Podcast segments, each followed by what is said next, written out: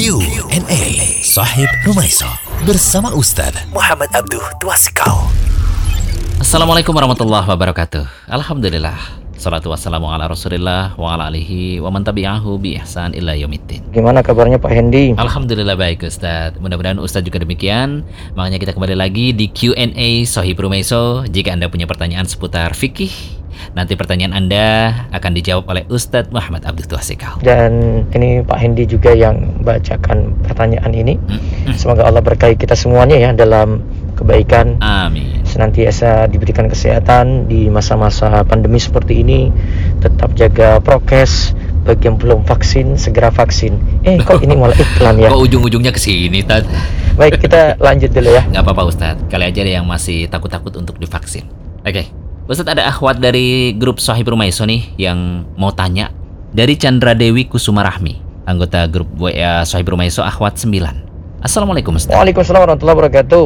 Izin bertanya ya, jika mukena tanpa sengaja tersingkap karena tertarik, misalnya bagian kaki, lalu saya mengetahuinya, apakah langsung batal sholatnya? Ataukah boleh ada gerakan untuk menutup yang terbuka itu, lantas meneruskan sholat?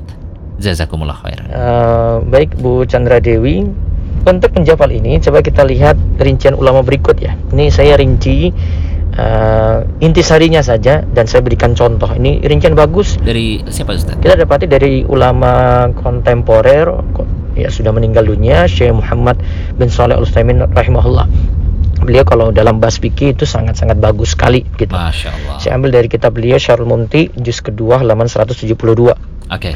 Nah kata beliau begini, ada empat rincian ya, kita bisa perhatikan empat rincian. Hmm. Nah, bisa diingat empat rincian ini mudah insya Allah dipahami.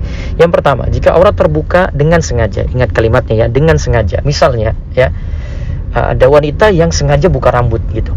Kan rambut aurat, rambut wanita kan aurat, dia sengaja buka gitu. Artinya dia nggak pakai, bisa jadi yang atas dia nggak tutup, dia nggak pakai mungkin bagian atas gitu. Dia buka saja. Nah, kalau kayak gini gimana Ustaz? Kan sengaja. Kalau seperti ini, aurat terbuka dengan sengaja, hukum sholatnya batal, baik terbuka sedikit maupun banyak. Hmm, batal ya. Baik waktunya lama maupun hanya sebentar. Mhm. Karena sengaja, dia sudah tahu kok dia buka gitu. Hmm, ngeyel ya Ustaz. Itu pertama ya, catat.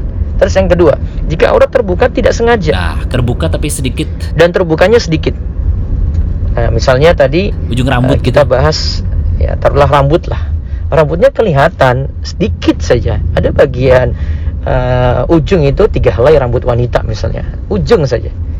Nah kalau di sini katakan tidak sengaja ya dan itu terbukanya sedikit ya Hmm. atau mungkin misalnya kaki kok kelihatan jempol gitu ya. Nah, ini kan ujung-ujung semua nih ya. Maka hukum sholatnya tidaklah batal. Ya, yang penting nanti segera tutup ya. Kalau tidak sengaja dia tahu setelah itu dia segera tutup. Terus yang ketiga, jika aurat terbuka tidak sengaja. Terbuka tidak sengaja. Ah, ini yang maaf, ini terbukanya parah nih.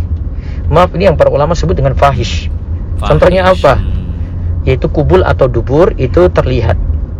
Walau sedikit saja. Meskipun sedikit tapi parah ya. Ya, terlihat walau sedikit saja. Tapi di sini ada satu kondisi kalau di poin nomor tiga ini ada yang hanya sebentar, terus dia segera tutup gitu. Ini maaf, ini biasanya kalau terjadi ini pada bapak-bapak kalau sholat ada yang kelihatan Nah loh. Maaf ya. Yang cowok-cowok nih terutama. ya bokongnya itu ini rawan sekali. Iya ganggu Hmm. juga tuh buat yang lihat. Tapi segera dia tutup. Hukum sholatnya tidaklah batal. Menurut pendapat paling kuat. Ya, menurut pendapat paling kuat tidaklah batal. Berarti ada perselisihan pendapat di dalamnya ini. Terus yang terakhir nih, yang keempat nih, ya. Jika aurat terbuka tidak sengaja, terbukanya parah. Terbuka tapi parah. tadi ya. Oh yang fahish ya Ustaz ya. Pada yang fahish tadi ya. Misalnya eh, bagian duburnya kelihatan. ya. Terbukanya parah, waktunya lama. Udah pa- udah parah lama pula ya Ustaz. Maka Parah parah parah. kalau baru diketahui setelah sholat atau setelah salam, baiknya sholatnya diulangi, sholatnya batal. Oh iya iya. Nah, mudah-mudahan rincian ini dipahami. Ini menunjukkan pentingnya kita menjaga aurat ketika kita melakukan ibadah sholat. Ya, makasih buat Mbak Chandra Dewi Kusuma Rahmi ya. Semoga terjawab pertanyaannya. Semoga Allah beri taufik dan moga-moga manfaat. Sehat semuanya. Allah ibarik. Amin. Demikian Q&A Sahib Rumaiso. Kirimkan pertanyaan seputar fikih ke rumaiso.com. Pertanyaan kamu akan dijawab langsung oleh Ustadz Muhammad Abdul Twasikal dalam Q&A berikutnya. Insya Allah.